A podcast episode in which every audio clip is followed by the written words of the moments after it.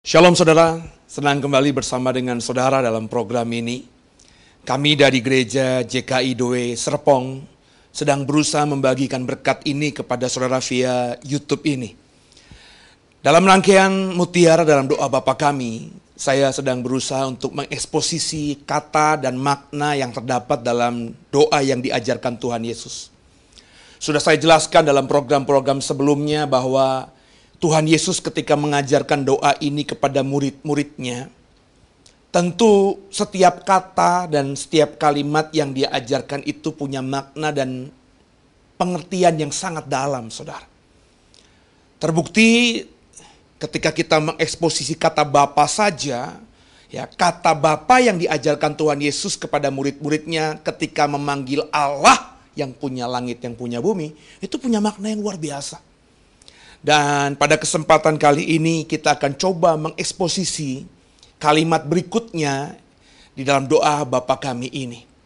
Mari kita buka Alkitab kita sebagai landasan berpijak kita dalam berteologi ya pada kesempatan kali ini. Mari terlebih dahulu dibuka dan dibaca Matius pasal 6 ayat yang ke-9. Matius 6 ayat yang ke-9. Karena itu berdoalah demikian. Bapa kami yang di sorga, dikuduskanlah namamu.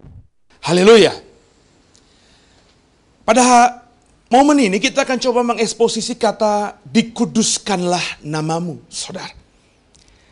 Kita sudah mengeksposisi sebelumnya kata Bapa, terus kita juga sudah mengeksposisi kata kami, dan juga kata kalimat yang di surga di minggu-minggu sebelumnya.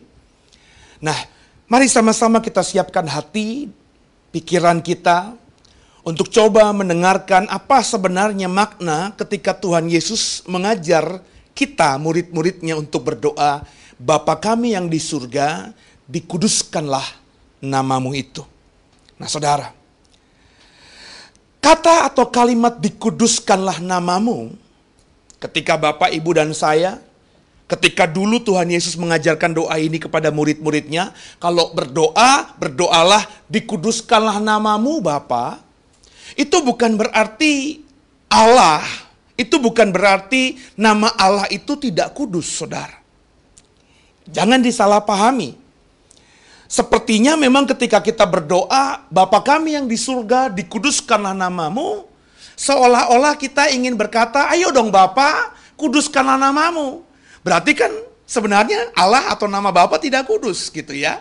Bukan itu saudara ya. Kita coba memilah-milah dan kita coba belajar untuk memahami apa sebenarnya pengertian makna yang Tuhan ajarkan dengan kalimat dikuduskanlah namamu. Kata dikuduskan itu berasal dari kata Yunani hagiatso yang diadopsi dari kata Ibrani kados atau kudus itu saudara. Ya. Apa sebenarnya kata dan pengertian dari hagiaso dan kados ini? Secara sederhana, saudara, kalau saudara mau memahami apa sebenarnya pengertian kata kudus itu, menurut bahasa asli Alkitab yang saya bagikan tadi, kata hagiaso dan kata kados ini berarti secara harfiah adalah pemisahan jadi kalau saudara adalah orang-orang yang kudus, itu sebenarnya saudara sedang berkata kepada orang lain, saudara adalah orang-orang yang dipisahkan dari mereka.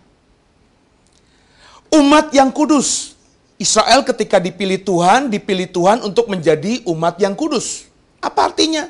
Artinya tidak lain tidak bukan Tuhan pilih Israel supaya Israel dipisahkan dari bangsa-bangsa lain. Jadi saudara kalau saudara punya pemahaman ini ketika kita berkata Allah yang kudus, Tuhan yang kudus, sebenarnya saudara harus punya pemahaman bahwa Allah, bahwa Tuhan itu berbeda dari segala apa pun yang ada di dunia ini. Allah yang kudus, saudara harus punya pemahaman bahwa Allahmu itu harus dipisahkan dengan hal-hal yang bahkan luar biasa yang ada di dunia ini. Ketika saya berkata Allah saya kudus, saya dalam hati saya, dalam pikiran saya harus punya pemahaman apa pun yang saya lihat dan saya alami di dunia ini, sehebat apa pun itu tidak bisa melebihi, tidak bisa menandingi Allah saya. Allah saya itu beda dengan apa yang saya pahami di dunia ini. Jadi saudara, kalau saudara sudah punya pemahaman dasar tentang kata kudus itu, yakni pemisahan, beda dengan dunia ini, berarti ketika Tuhan Yesus mengajarkan murid-muridnya, mengajarkan saudara dan saya untuk berdoa, Bapa kami yang di surga, dikuduskanlah namamu, apa dong pengertiannya? Mari sama-sama coba saudara kita siapkan hati kita beberapa menit ke depan ini.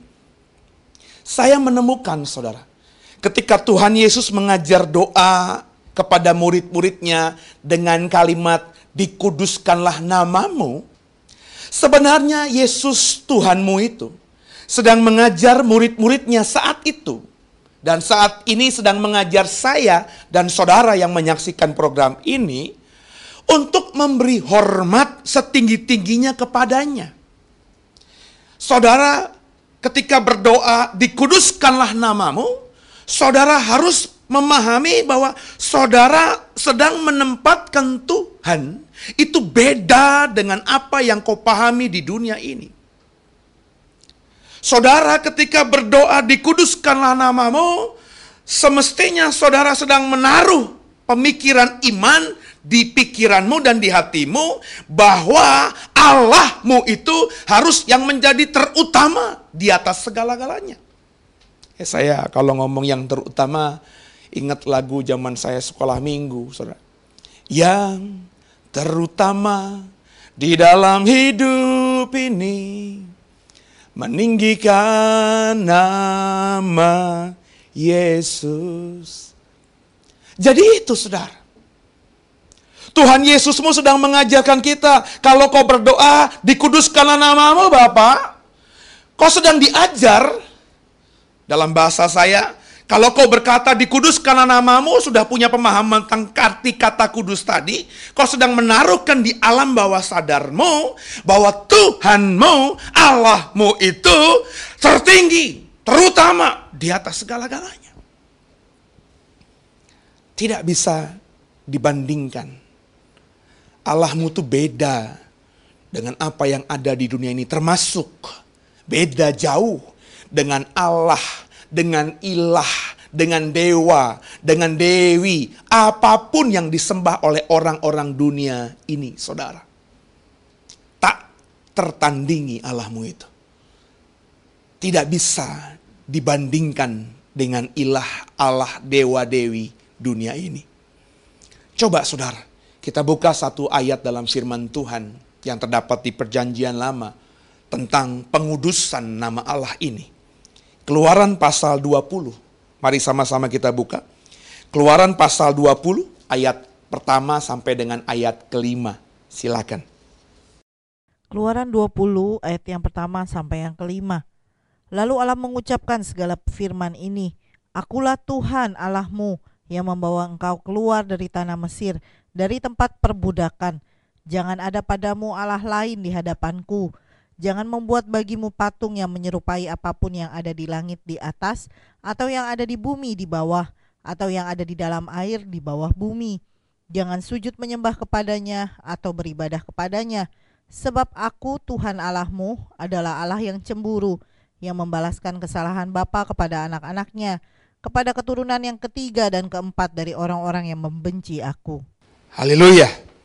Itulah hikmat yang Tuhan taruhkan di hati saya ketika mencoba mengeksposisi kata dikuduskanlah namamu ini. Tuhan Yesus sedang mengajar kita murid-muridnya untuk ingat perintah Tuhan di dalam perjanjian lama. Bahwa jangan ada ilah lain, Allah lain, dewa lain, dewi lain, sembahan lain di hadapanku kata Tuhan. Jangan membuat bagimu patung, yang menyerupai apa pun dan kau sembah. Jangan sujud menyembah kepadanya, beribadah kepadanya, sebab aku Tuhan Allahmu adalah Allah yang cemburu, saudara. Dikuduskanlah namamu. Kau harus punya persepsi seperti ini. Gak bisa kau bayangkan, gak bisa kau sandingkan, gak bisa kau perbandingkan Allah yang kau dan aku sembah dengan apa pun yang disembah oleh orang-orang lain di dunia ini. Kudus itu artinya apa? Dipisahkan. Ketika kita berpikir tentang Allah kita, ketika kita beriman tentang Allah kita, ketika kita berdoa kepada Allah kita, kau harus punya pemahaman Allahmu itu beda dengan Allah ilah yang disembah orang lain. Maksud saya, saudara, kalau orang lain saja di luar kita, begitu kusuknya ketika berdoa, begitu kudusnya, begitu menaruh hormatnya ketika dia memanggil Allahnya, masakan kita tidak. Padahal Allah kita tidak bisa dibandingkan dengan Allah-Allah mereka. Allah kita lah yang terutama di atas segala-galanya. Kadang saya sedih saudara kalau melihat fenomena orang di luar sana begitu tertibnya ketika datang beribadah kepada Tuhannya. Begitu menjaga keteraturan, kerapian, kesopanan pakaiannya ketika mau menyembah Allahnya. Tapi ketika saya melayani Tuhan di gereja, saya melihat orang-orang Kristen yang tidak beribadah menyembah Allahnya seperti mereka. Mestinya kalau kau punya pemahaman Allahmu jauh lebih powerful, lebih luar biasa dibandingkan mereka tak tersandingi, kau harus lebih memperlakukan Allahmu lebih luar biasa, lebih kusuk, lebih hormat dibandingkan mereka. Bagaimana faktanya dalam kehidupan beragamamu, saudara? Keluaran 20 ayat 1 sampai 5 ini, saudara. Itu diekspresikan oleh kalimat Tuhan Yesus dalam Lukas 4 ayat 8. Coba mari sama-sama kita buka satu ayat dalam Injil Lukas pasal 4 ayat 8 ini. Mari silakan dibaca. Lukas 4 ayat yang ke-8. Tetapi Yesus berkata kepadanya, ada tertulis, engkau harus menyembah Tuhan Allahmu dan hanya kepada dia sajalah engkau berbakti. Di perjanjian lama tadi, di keluaran 20 tadi, Tuhan berkata kepada Israel, aku Allah yang cemburu. Jangan ada Allah lain di hadapanku. Jangan buat patung yang menyerupai apa pun di bumi ini, kemudian kau sembah dia. Ini bagi saya dipahami dan kemudian dipadatkan oleh pengajaran yang Tuhan Yesus ajarkan ketika dia ada di dunia ini. Lukas 4 ayat 8 berkata, Yesus berkata kepadanya, ada tertulis. Kepada siapa? Dia bicara kepada iblis di padang gurun yang sedang mencobai dia. Iblis sedang berusaha menggocoh Yesus, memanipulasi Yesus agar mau menyembah iblis, saudara. Sebab Yesus saat itu sedang kelaparan dan lain sebagainya. Tapi apa kata Yesus kepada iblis itu? Ada tertulis, engkau harus menyembah Tuhan Allahmu. Dan hanya kepada dia sajalah engkau berbakti. Engkau harus menyembah kepada Tuhan Allahmu. Menyembah, saudara. Apa itu menyembah? Kalau Bapak Ibu perhatikan dalam bahasa asli perjanjian baru, kata menyembah di sini menggunakan kata Yunani proskuneo. Apa itu proskuneo? Kalau Bapak Ibu lihat kamus Yunani Inggris, Yunani Indonesia, proskuneo itu berarti worship him.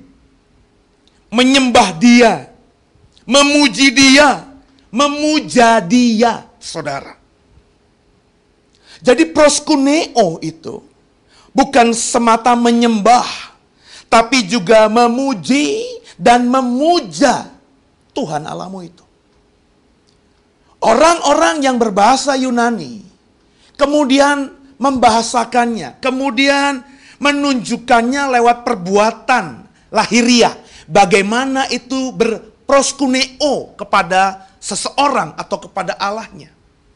Jadi kalau Bapak Ibu perhatikan orang-orang yang hidup di perjanjian baru, orang-orang yang bahkan bukan Kristen ya Bapak Ibu, kalau mereka sedang proskuneo, maka mereka secara lahiriah akan menjatuhkan badan mereka ke tanah, membungkukkan badan mereka, dan bahkan mensejajarkan, menelengkupkan tubuhnya rata dengan tanah, memposisikan dirinya menyembah kepada orang yang mau diproskuneokan. Nangkep saudara ya? Jadi misalnya ini saudara, saudara mau proskuneo kepada seseorang, taruhlah dalam hal ini adalah misalnya rajamu. Maka orang yang proskuneo itu bukan sekedar menyembah. Nah kata menyembah dalam bahasa Indonesia itu tidak dapat kita dalami sesuai dengan makna yang benar dalam bahasa aslinya. Proskuneo itu menjatuhkan badan, membungkukan badan, bahkan menelungkupkan badan sehingga muka sejajar dengan tanah. Dalam posisi menyembah kepada orang itu, dalam hal ini sang raja itu. Jadi ketika firman Tuhan katakan di Lukas pasal 4 ayat 8, ada tertulis engkau harus menyembah Tuhan Allahmu. Bukan saja engkau worship him, bukan saja kau memuja dan memuji dia, tapi kau harus memposisikan dirimu serendah-rendahnya di hadapan dia. Sudahkah saudara kerjakan itu? Ya, kita dari kalangan karismatik, saudara ya. Itu kalau soal memuji, menyembah Tuhan dalam lagu paling keren. Ya, kita bisa nyanyi. Ku sembah kau, ku sembah kau, ku angkat hatiku. Orang-orang karismatik kayak kita gini saudara ya, paling hebat lah kalau menulis syair dan membuat notasi-notasi lagu-lagu pujian penyembahan. Pertanyaan saya, Ketika kita memuji dia dalam lagu kita, sudahkah kau sedang juga memposisikan dirimu serendah-rendahnya kepada Allah yang sedang kau puji itu? Ya. Lucu ya kalau misalnya saya ngomongin lagu-lagu ini. Kadang-kadang lagu-lagu itu cuma pintar kita nyanyikan tapi gak kita maknai. Contohnya ya, saya lagi inget aja nih. Kita-kita sering nyanyi gini kan Takkan pernah ku bawa selain yang terbaik. Itu lagu ya saudara. Paling sering dinyanyikan ketika kita persembahan. Benar nggak saudara? Di gerejamu ya. Takkan pernah ku bawa selain yang terbaik. Sedang persembahan nih. Nyanyinya mau berikan yang terbaik. Takkan ku bawa selain yang terbaik Tuhan. Tapi yang kau masukkan dalam ampul berapa? Ceceng, noceng, goceng, saya nggak ngomongin nominal ya saudara ya. Kalau kau memang sedang tidak punya uang, itu uang terakhirmu, itulah yang terbaik. Tapi pertanyaannya saudara, kau punya segala-galanya. Kau naik dengan mobil yang mewah, kau punya rencana habis dari gereja mau makan di restoran termahal, dengan makanan yang harganya mungkin setengah jutaan, mungkin satu jutaan. Kau pakai baju jas yang paling mahal, Kau nyanyi sama Tuhan, takkan ku bawa, takkan ku datang dengan sesuatu yang fana, takkan pernah ku bawa selain yang terbaik, tapi kau kasih persembahan. Maafkan saya, yang tidak sepadan dengan apa yang sedang kau nyanyikan dan kau tampilkan kepada Tuhan lewat penampilanmu. Ini yang gak disukai Tuhan. Saya nggak ngomongin nominal. Saya masih ingat banget cerita Tuhan Yesus ngomong sama para muridnya tentang janda yang hanya memberikan beberapa peser uangnya. Dibandingkan orang kaya itu, janda itu hanya memberikan sedikit nominalnya nggak berarti. Tapi itu yang terbaik, saudara. Itu loh saudara, yang terbaik. Kemudian saudara, di Lukas pasal 4 ayat 8 ini. Kalimat berikutnya apa? Ada tertulis kau harus menyembah Tuhan Allahmu dan hanya kepada dia sajalah engkau berbakti. Nah kata berbakti ini saudara, menggunakan kata Yunani, latre uo. Latre uo saudara, itu berarti beribadah. Nah, kalau saudara memahami sedikit bahasa asli Alkitab, bahasa Ibrani, beribadah itu menggunakan kata Ibrani aman, itu berarti secara harafiah adalah to serve him. Melayani dia. To walk with him. Bekerja dengan dia, bekerja untuk dia. Jadi saudara berbakti di sini adalah berbicara mengenai melayani. Jadi kalau kau mau mengkuduskan Tuhan, bukan semata di rumahmu tidak ada patung saudara. Beberapa puluh tahun yang lalu ketika saya pertama kali melayani Tuhan, itu banyak gereja-gereja aliran tertentu yang berkata di rumah nggak boleh ada patung, nggak boleh apa pun juga dibentuk menyerupai makhluk hidup. Buang jauh-jauh dari rumahmu. Bagus saja saudara kalau dikerjakan. Tapi orang yang tidak punya patung apa pun di rumahnya, tidak mengagumi patung apa pun yang menyerupai makhluk hidup di rumahnya, tapi kalau dia tidak melayani Tuhan, ya omong kosong saudara. Percuma bagi saya. Kebanyakan kita tuh mengerjakan sesuatu yang sepertinya baik, tapi tidak baik saudara. Sepertinya bagus, tapi kurang bagus saudara.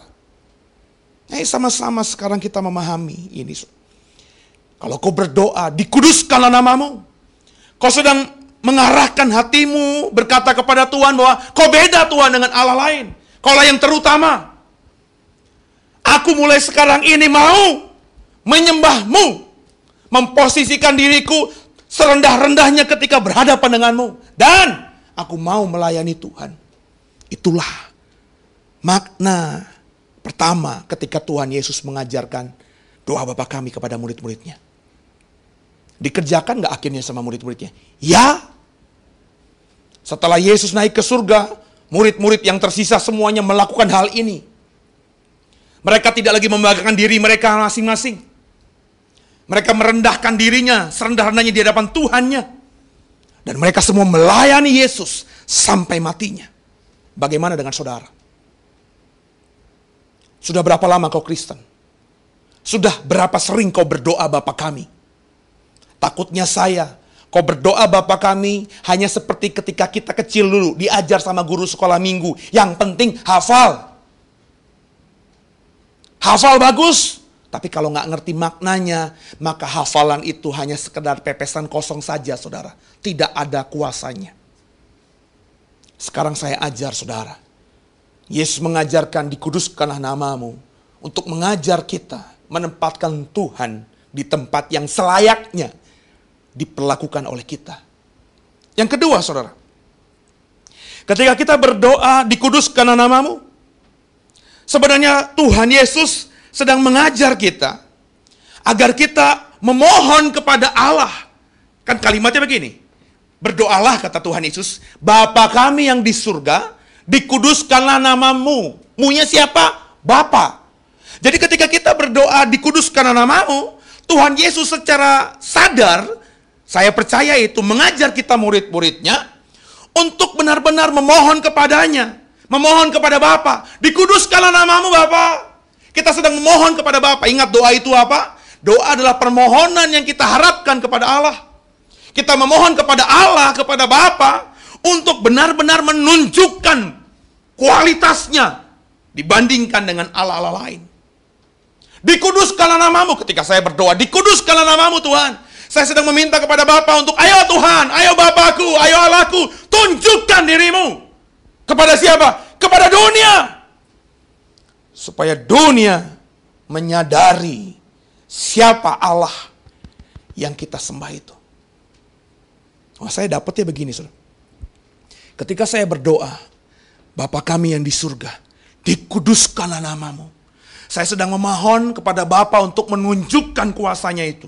Menunjukkan siapa dirinya. Supaya orang tahu siapa Tuhan yang saya sembah. Ketika saya memohon, pertanyaan saya. Ketika saya memohon kepada Allah yang saya sembah. Untuk menunjukkan kuasanya. Agar orang lain lihat Allah yang saya sembah. Saya sebenarnya saudara. Sedang meminta kuasanya itu ditunjukkan lewat hidup saya. Nangkap saudara? Saya kan pengen agar Allah menunjukkan kuasanya kepada orang lain. Supaya orang lain itu tahu siapa Allah yang saya sembah. Berarti ketika saya berdoa demikian, saya sedang meminta impartasi kuasa itu. Tuhan, dikuduskan namamu. Ayo tunjukkan siapa dirimu supaya orang tahu Allahku. Maka saya sedang menarik sebenarnya kuasa Tuhan itu agar turun atas saya, mengurapi saya. Sehingga orang lain yang kenal saya melihat, menyaksikan, merasakan Tuhan yang saya sembah itu. Wah, kalau saudara memahami ini, kau nggak usah ngemis-ngemis, kau nggak usah minta-minta yang lainnya, saudara. Kalau kau sungguh-sungguh mengerti makna ini, maka Allah akan menunjukkan kuasanya lewat kita. Sehingga apa yang tidak pernah kau lihat, apa yang nggak pernah kau dengar, apa yang nggak pernah timbul dalam hatimu, akan diberikannya padamu. Kalau sudah mengerti ini, kau doain orang sakit, orang sakit sembuh. Nggak usah heran, nggak usah kagum juga. Kenapa? Allah sedang memakai dirimu. Kalau kau berdoa, doamu dijawab Tuhan, ada muji terjadi, nggak usah terkagum-kagum berlebih-lebihan juga. Kenapa? Memang itulah yang Allah ingin tunjukkan dalam hidupmu. Supaya orang lihat dia dalam hidupmu. Nangkap saudara ya? Makanya saya selalu berkata kepada jemaat di gereja saya bahwa kalau kita sudah hidup benar, mengerti benar-benar siapa Tuhan kita. Mujizat itu, saudara, itu nggak akan kita rasakan lagi. Kenapa? Karena setiap hari kita akan hidup penuh dengan mujizat. Saya selalu berkata, orang yang heboh dengan mujizat-mujizat itu, berarti sebenarnya dirinya tidak sering mengalami mujizat. Sehingga ketika mengalami mujizat, dia kaget-kaget gitu. Wah, aku sembuh ya. Kenapa? Karena selama ini nggak pernah sembuh. Tapi orang yang benar-benar hidup dalam Tuhan, terima kuasanya dia, siap hari hidup dengan mujizat. Sehingga mestinya ya, karena sudah terbiasa, dia tidak lagi merasakan kehebatan itu. Aku sembuh, Berdoa setelah berdoa sama Yesus, lah memang udah sewajarnya. Aku diberkati setelah berdoa sama Tuhan, Tuhan tolong usahaku diberkati. Eh, dijawab Tuhan tiba-tiba ada omset besar. Itu biasa. Kenapa? Emang itu sudah selayaknya. Saya justru kalau ada orang punya kesaksian yang bombastis ya, saya yakin, saya percaya orang itu nggak pernah mengalami mujizat sesering yang saya alami. Saya dulu bersaksinya luar biasa ketika pertobatan saya di usia umur 27, 28. Ya. Bahkan ikan arwana bapak saya saja yang sudah mau mati, ya. Saya doakan terus bisa bangkit lagi, saudara. Ya, udah kebalik begini, saudara. Terus udah berdiri lagi besoknya. Itu saya gembor-gemborkan. Kenapa saya tahu ikan? Kalau ikan sudah kepalanya ke bawah begini, apalagi ikan arwana, ikan besar, saudara, ya ukuran kurang lebih hampir setengah meter, saudara. Kalau udah kepalanya ke bawah begini, itu udah tinggal tunggu waktu mati. Saya doakan, saya cipratin dengan minyak, terus tiba-tiba besok paginya berdiri lagi. Wah, saya cerita ke mana-mana. Kenapa? Itu luar biasa. Saya nggak pernah melihat sebelumnya. Tapi sekarang, sekarang ini, hampir setiap hari saya dapat mujizat. Sehingga mujizat nggak terlalu lagi saya rasakan kehebohan, kehebohannya. Biasa aja. Bukan saya tidak membanggakan mujizat. Saya bingung kalau orang tanya, Pak Seno, mujizatnya dapat apa hari ini? Saya bingung. Kenapa? Terlalu banyak. Dan saya tidak heran, sudah kenapa? Itulah Allah saya.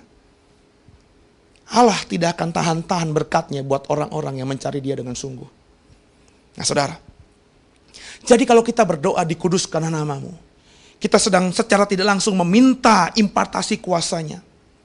Supaya lewat kita ia bisa dimuliakan. Supaya lewat kita, kita bisa jadi berkat bagi sesama kita. Supaya lewat kita, banyak orang yang tertarik kepadanya. Jadi kalau kau benar-benar mengerti makna ini dan kau berdoa dengan sungguh, dikuduskanlah namamu Bapak. Kau bisa menjadi magnet saudara yang menarik orang-orang di luar sana yang belum kenal Tuhanmu untuk mendekat kepadamu bukan sekedar mendekat kepadamu saja karena mereka lebih tertarik kepada Allah yang kau sembah itu. Saya yakin beberapa saudara punya pengalaman tentang hal ini. Bagaimana orang datang kepada kita bukan karena kitanya, tapi ingin bertanya, Tuhan yang kita sembah. Kalau sudah demikian, sudah berarti sudah menjadi surat Kristus yang terbuka. Kau sudah dikenali sebagai orang Kristen bukan karena aksesoris salib yang ada di mana-mana dalam sekujur tubuhmu. Tapi kau benar-benar sudah seperti Kristus. To be like Christ. Bukankah itu tujuan semua orang percaya? Ku mau sepertimu Yesus. Kita sering nyanyikan lagu itu. Jadi ketika kita berdoa, dikuduskanlah namamu. Saudara harus punya pemahaman. Saudara sedang meminta kuasa Tuhan supaya dunia tahu bahwa tidak ada di dunia ini yang seperti Allahmu. Supaya dunia tahu siapa Allahmu itu. Yang berikutnya, saudara, yang ketiga. Ketika kita berdoa, dikuduskanlah namamu Bapak. Ketika kita berdoa demikian, kita diingatkan Tuhan Yesus. Itu kenapa Tuhan Yesus mengajarkannya hanya kepada murid-muridnya. Dia tidak ajarkan doa ini kepada kalayak ramai. Saya sudah ulangi, saya sudah sampaikan di seri khotbah yang pertama dari Mutiara Doa Bapak kami ini. Dia hanya mengajar pada murid-muridnya. Jadi ketika kita berdoa dikuduskan namamu, saudara. Tuhan Yesus dalam konteks aslinya sedang mengajar murid-muridnya 12 orang perempuan-perempuan yang selalu mengiringi Yesus ke mana pun dia pergi sepanjang hari, sepanjang malam sekarang ini kepada kita bahwa kita diingatkan apakah kita sudah hidup juga dalam kekudusan. Dikuduskan namamu Tuhan. Itu sebenarnya menjadi refleksi bagi setiap orang yang berdoa demikian. Ketika kita berdoa, Tuhan Bapa kami yang di surga, dikuduskan namamu. Itu mestinya ketika kita berdoa demikian, kau sudah ngaca. Ada kaca di depanmu. Mestinya mantul kepada kita. Merefleksikan diri kita. Ketika kita berkata dikuduskan namamu, mestinya ya saudara, seharusnya ada pertanyaan dalam hatimu. Sudahkah kau juga hidup kudus? Coba kita buka saudara. 1 Petrus pasal pertama, ayat 15 sampai 16. 1 Petrus pasal yang pertama, ayat 15 sampai dengan ayat 16. Silahkan dibaca tolong. 1 Petrus pasal yang pertama ayat 15 dan 16.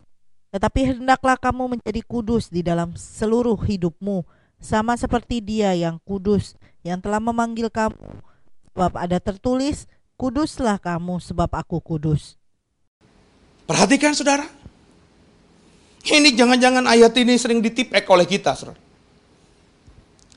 Karena sering kali saya bertemu dengan orang Kristen, terus saya menggunakan kalimat ini, mereka berkata, ya Pak, mana mungkinlah kita bisa seperti itu. Kita kan hidup di dunia, dunia ini kan gelap Pak, banyak setannya, kuasa jahat, kedagingan kuat Pak. Nggak mungkin lah bisa kita hidup kudus. Selalu saja ada banyak orang Kristen yang saya temui berargumentasi, memakai alasan-alasan yang mengatakan bahwa mereka nggak mungkin bisa hidup kudus. Saudara perhatikan baik-baik ya, saya baca lagi ayat ini ya. Tapi hendaklah kamu menjadi kudus di dalam seluruh hidupmu sama seperti dia yang kudus yang telah memanggil kamu. Jadi ketika kita berdoa, dikuduskanlah namamu, tentu saudara sudah punya pemahaman dan iman bahwa Allah kita itu kudus. Allah kita itu luar biasa, tak tertandingi dibandingkan siapa pun juga yang ada di alam semesta ini. Nah ketika kita sudah sampai pada level begitu, Tuhan katakan, hendaklah kamu menjadi kudus dalam seluruh hidupmu, sama seperti dia yang kudus. Ayat 16-nya apa? Sebab ada tertulis, kuduslah kamu sebab aku kudus. Ini perintah, kuduslah kamu sebab aku kudus, kata Tuhan. Perintah. Saya sudah berkali-kali katakan perintah. Kalau Tuhan kasih perintah, berarti harus dilakukan. Kalau kau adalah hambanya, maka nggak ada pilihan lain, saudara. Kau harus mengerjakan perintah Tuhanmu itu. Jangan kau lagi beralasan kau tak sanggup. Ingat saya sudah sampaikan di pertemuan sebelumnya. Saya saja punya anak nggak mungkin ngasih perintah yang tidak mungkin bisa dikerjakan oleh anak saya. Saya punya mobil, saya punya motor, kalau rusak nggak mungkin saya kasih perintah anak saya umur 8, 9 tahun dan umur 5, 4 tahun untuk betulin mobil kan saudara. Mobil saya bocor. Nggak mungkin kan saya suruh anak saya umur 9 tahun, terlebih yang 4 tahun, untuk ambil dongkrak dan ganti ban mobil saya. Nggak mungkin. Kenapa? Saya paham, saya tahu anak seusia mereka nggak ngerti dan tidak bisa mendongkrak. Kenapa? Saya bukan punya bengkel. Kalau mereka, kalau saya orang punya bengkel, anak saya hidup setiap hari dengan dunia perbengkelan, mungkin dia bisa. Tapi anak saya nggak ngerti, dongkrak apa aja mungkin dia nggak ngerti. Jadi kalau saya tahu mereka nggak ngerti, nggak bisa, terus saya kasih perintah, itu artinya saya yang bodoh. Tuhan tidak mungkin bodoh. Tuhan lebih daripada Bapa di dunia ini. Ketika dia kasih perintah kuduslah kamu sebab aku kudus. Itu artinya apa? Artinya saudara, dia tahu perintahnya itu bisa dikerjakan oleh kita yang adalah anak-anaknya, saudara. Haleluya. Haleluya, saudara.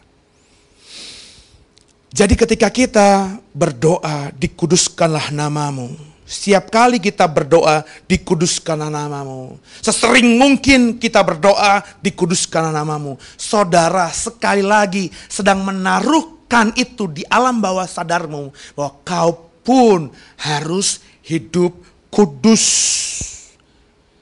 Otomatis kita akan terus diingatkan bahwa kita ini umat Allah yang juga dikuduskan, dipisahkan. Kita nggak boleh sama seperti dunia.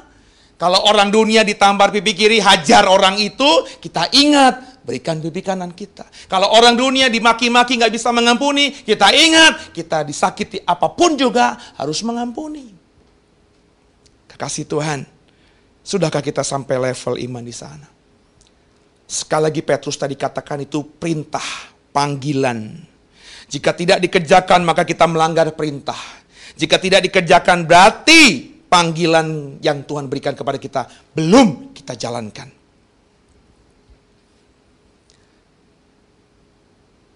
Ini dahsyat loh saudara, dampaknya. Kalau saudara tidak melakukan perintah dan tidak melaksanakan panggilan Tuhan untuk hidup kudus itu. Jangan kau berpikir, nggak apa-apa lah dosa. Nanti minta ampun aja. Toh firman Tuhan katakan kan, jika kita mengaku dosa, Allah itu setia dan adil, Allah akan mengampuni dosa kita. Maka nggak apa-apa lah. Roh kuat, daging lemah. Nanti kalau dosa, minta ampun, dosa diampuni. Eh, nanti dulu. Kalau kau tidak jalankan perintah ini, kalau kau tidak menggenapi panggilan Tuhan untuk hidup kudus, ada konsekuensinya, saudara. Saya kalau ngomongin ini ingat di otak saya langsung pada tokoh Alkitab yang namanya Musa. Saudara. Coba kita baca dulu firman Tuhan. Bilangan pasal 20, saudara. Coba kita buka bilangan pasal 20. Kita akan coba baca dari ayat yang kedua sampai ayat yang keenam terlebih dahulu. Bilangan 20, ayat 2 sampai dengan ayat yang keenam. Silahkan. Bilangan 20 ayat 2 sampai yang ke-6. Pada suatu kali ketika tidak ada air bagi umat itu, berkumpullah mereka mengerumuni Musa dan Harun, dan bertengkarlah bangsa itu dengan Musa, katanya, Sekiranya kami mati binasa pada waktu saudara-saudara kami mati binasa di hadapan Tuhan, mengapa kamu membawa jemaah Tuhan ke padang gurun ini, supaya kami dan ternak kami mati di situ? Mengapa kamu memimpin kami keluar dari Mesir untuk membawa kami ke tempat celaka ini yang bukan tempat menabur, tanpa pohon arah, anggur, dan delima, bahkan air minum pun tidak ada. Maka pergilah Musa dan Harun dari umat itu ke pintu kemah pertemuan, lalu sujud. Kemudian tampaklah kemuliaan Tuhan kepada mereka. Ingat cerita itu? Orang Israel bersungut-sungut setelah dilepaskan Tuhan dari kejaran Firaun dan bala tentaranya mereka baru loh saudara melihat supranaturalnya Tuhan di mana ia bisa membelah laut Teberau itu. Ya, saudara film, lihat film Exodus atau Prince of Egypt atau cerita animasi, film-film animasi tentang Moses itu. Tuhan membelah laut mati sehingga laut yang tadinya banyak air tersibak kiri dan kanan, kering di tengah-tengah. Orang Israel berjalan selamat melewati itu. Tentara Mesir Firaun mengejarnya, tidak sampai akhirnya laut kembali menutup dan mereka semua mati. Ini sesuatu yang supranatural. Gak lama dari itu, mereka bersungut-sungut karena mereka masuk padang gurun. Kekurangan air. Kemudian Musa menghadap Tuhan. Perhatikan tadi di ayat 6. Kemudian apa yang terjadi? Coba kita baca ayat selanjutnya. Ayat 7 dan 8. Apa kata Tuhan kepada Musa? Di ayat 7 dan ayat 8. Silakan. Tuhan berfirman kepada Musa, Ambillah tongkatmu itu dan engkau dan Harun kakakmu harus menyuruh umat itu berkumpul. Katakanlah di depan mata mereka kepada bukit batu itu supaya diberi airnya. Demikianlah engkau mengeluarkan air dari bukit batu itu bagi mereka dan memberi minum umat itu serta ternaknya. Kemudian perintah Tuhan kepada Musa sama Harun, ambil tongkatmu itu, terus kumpulkan orang Israel, dan katakan kepada batu itu agar mengeluarkan airnya. Itu perintah Tuhan kepada Musa untuk ditunjukkan, dipraktekkan, dimanifestasikan kepada Israel, supaya Israel dapat air. Itu perintah Tuhan. Apa selanjutnya yang dikerjakan Musa? Musa mengambil tongkatnya nggak? Coba kita baca ayat 9. Lalu Musa mengambil tongkat itu dari hadapan Tuhan, seperti yang diperintahkannya kepadanya. Musa mengerjakan perintah Tuhan itu. Mengambil tongkatnya. Dia sudah mengerjakan perintah Tuhan itu. Perhatikan baik-baik. Kemudian apakah selesai? Apakah Tuhan disenangkan? Coba kita baca. Ayat 10 sampai 11. Ketika Musa dan Harun telah mengumpulkan jemaah itu di depan bukit batu itu, berkatalah ia kepada mereka, Dengarlah kepadaku, hai orang-orang durhaka, apakah kami harus mengeluarkan air bagimu dari bukit batu ini? Sesudah itu Musa mengangkat tangannya, lalu memukul bukit batu itu dengan tongkatnya dua kali. Maka keluarlah banyak air sehingga umat itu dan ternak mereka dapat minum. Saudara, endingnya sama. Batu itu mengeluarkan air. Tongkat diambil oleh Musa. Musa mengerjakan perintah Tuhan. Dalam kasus ini, saudara, Bukan pertanyaannya perintah apa yang tidak dikerjakan Musa. Tapi kebalikannya. Apa yang tidak diperintahkan yang dikerjakan Musa. Musa mengerjakan perintah Tuhan itu. Ambil tongkat, dikerjakan. Kumpulkan semua jemaah Israel, dikerjakan. Perintahkan batu itu untuk keluarkan air, dikerjakan. Tapi ada satu yang tidak diperintahkan Tuhan, tapi dikerjakan Musa. Apa itu? Pukul batu itu dengan tongkat. Itu tidak diperintahkan Tuhan. Apa yang terjadi, saudara? Coba dibaca ayat terakhirnya, ayat 12-nya. Tetapi Tuhan berfirman kepada Musa dan Harun, Karena kamu tidak percaya kepadaku dan tidak menghormati kekudusanku di depan mata orang Israel, Itulah sebabnya kamu tidak akan membawa jemaah ini masuk ke negeri yang akan kuberikan kepada mereka. Perhatikan baik-baik. Ketika Musa ambil tongkat yang seperti yang Tuhan perintahkan, terus Musa kumpulkan jemaah Israel seperti yang Tuhan perintahkan, Musa perintahkan batu itu untuk keluarkan air seperti yang Tuhan perintahkan, tapi dia melakukan satu tindakan yang tidak Tuhan perintahkan, yakni memukul batu itu. Bagaimana sikap Tuhan? Ayat 12 tadi jelas. Karena kamu tidak percaya kepadaku dan tidak menghormati kekudusanku di depan mata orang Israel. Itulah sebabnya kamu Musa tidak akan membawa jemaah ini masuk ke negeri yang akan kuberikan kepada mereka. Perhatikan kalimatnya, kamu tidak percaya kepadaku dan tidak menghormati kekudusanku di depan mata orang Israel. Jadi kalau saudara berdoa, dengarkan saya. Dikuduskanlah namamu Tuhan. Kau beribadah sudah benar. Kau sudah layani Tuhan. Kau sudah tempatkan Tuhan di atas segala-galanya. Tidak ada patung yang kau sembah. Kau tidak mempercayai ilah-ilah lain. Kau benar-benar punya pikiran dan hati menempatkan Tuhan di atas segala-galanya. Tapi kau tidak hidup kudus seperti kudusnya Tuhan Allahmu apa kata Tuhan? Seperti yang dikatakan di bilangan pasal 20 tadi. Ditujukan kepada Musa. Kamu berarti tidak percaya kepadaku. Dan tidak menghormati kekuduskanku di mata orang lain. Jadi kalau saya, saudara, berdoa dikuduskan namamu tapi saya hidupnya jina, cabul, curi, korupsi, emosional, emosional, berantem sana, berantem sini, maki-maki orang, memperlakukan orang semena-mena, saya berarti sedang dalam konteks ini tidak menghormati kekudusan Tuhan di mata orang-orang di sekitar saya. Itu artinya sama. Saya tidak menunjukkan diri sebagai orang yang percaya kepada Tuhan. Makanya saya bilang doa Bapak kami itu dalam sekali maknanya. Saudara. Itu bukan kata-kata sambil lalu, kata-kata hafalan, kata-kata rapalan. Enggak, enggak, enggak. Jangan jadi orang Kristen yang cuma sekedar hafal doa Bapa kami. Sudah saya ulang berkali-kali. Tapi juga jangan jadi orang Kristen yang tidak hafal doa Bapa kami. Bagaimana bisa mengerti maknanya kalau kau tidak hafal? Hafal dulu. Tapi jangan berhenti sampai sekedar hafal, tapi memaknainya. Dikuduskanlah namamu. Itu artinya kau juga harus menempatkan dirimu kudus. Supaya kekudusan Tuhan tidak dipermalukan di depan mata banyak orang-orang. Apa yang dialami Musa? Ketika dia tidak percaya dan tidak menghormati kekudusan Tuhan. Musa tidak masuk ke tanah perjanjian. Coba pernah renungan ini enggak? Dia yang dipilih Tuhan untuk melepaskan Israel dari perbudakan di Mesir. Dia mengalami pergumulan batin kembali ke Mesir. Padahal dia menjadi buronan karena sempat membunuh tentara Mesir. Dia menghadapi Firaun yang punya kuasa luar biasa. Firaun itu saudara, raja di raja zaman itu. Tidak ada raja yang melebihi kuasanya Firaun di zaman itu. Mesir itu negara adidaya. Musa melewatinya sepanjang perjalanan dari rumahnya Ziporah, saudara, istrinya itu ya, menuju ke Mesir. Saya yakin dia pergumulan. Aduh gimana nanti ya sampai di Mesir ya? Aku bisa menghadapi nggak? Bisa menangkan nggak? Bisa pimpin Israel nggak? Israel mau denger aku nggak? Tapi Tuhan sertai dia.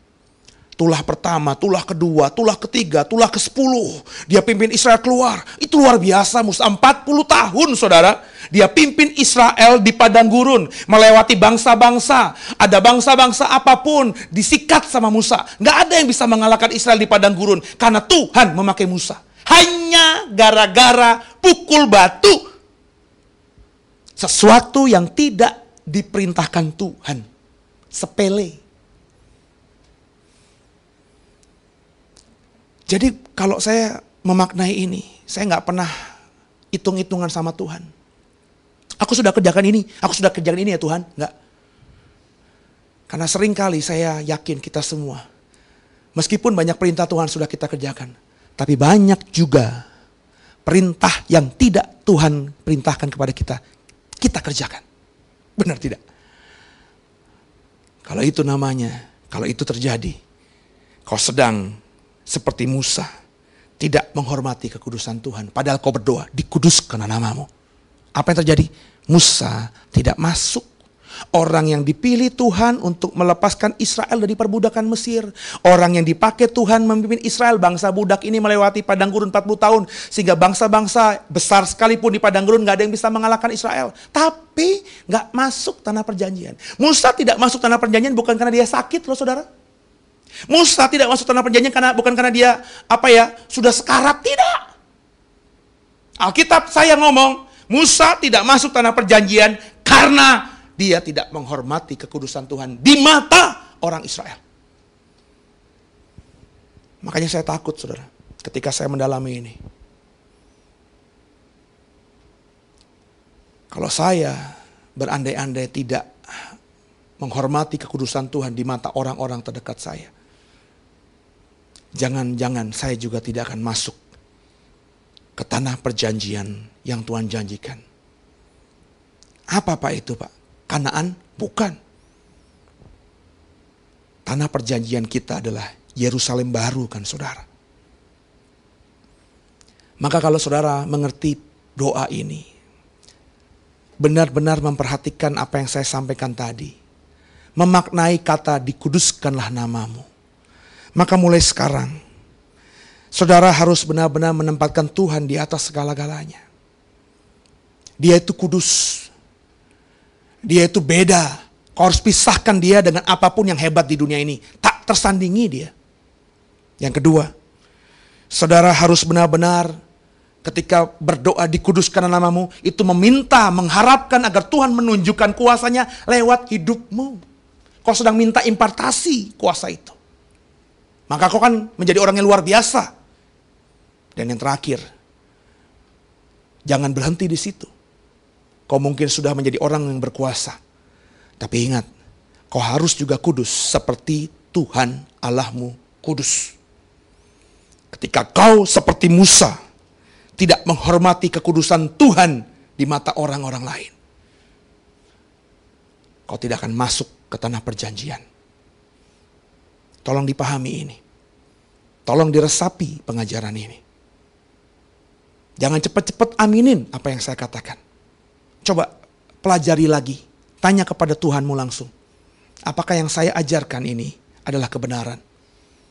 Kalau kau mengimani ini dan setelah berdoa sama Tuhan, ini adalah kebenaran. Jangan tidak dikerjakan. Haleluya. Saya akan lanjutkan khotbah ini di minggu depan. Saya akan coba mengeksposisi kata namamu itu. Ya, saudara saya percaya beberapa tahun yang silam kita sedang berdebat mengenai nama Tuhan itu. Yahweh kah? Ya, Elohim kah? Allah kah? Ya, minggu depan kita akan coba eksposisi supaya jadi berkat buat saudara. Semoga seri ini memberkati saudara dan kalau sudah diberkati, saya titip pesan jangan kau makan sendiri, berikan berkat ini juga kepada orang lain, kenalkan program ini kepada orang lain supaya orang lain di luar sana juga bisa memaknai doa Bapa kami dengan benar.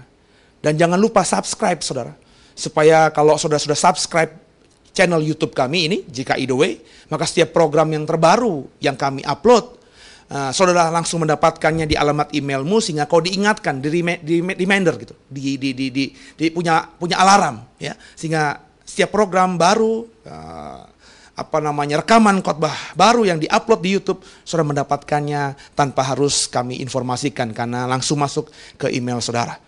Semoga jadi berkat dan terus doakan program ini supaya semakin jadi berkat bagi banyak orang. Shalom. Tuhan memberkatimu. Haleluya.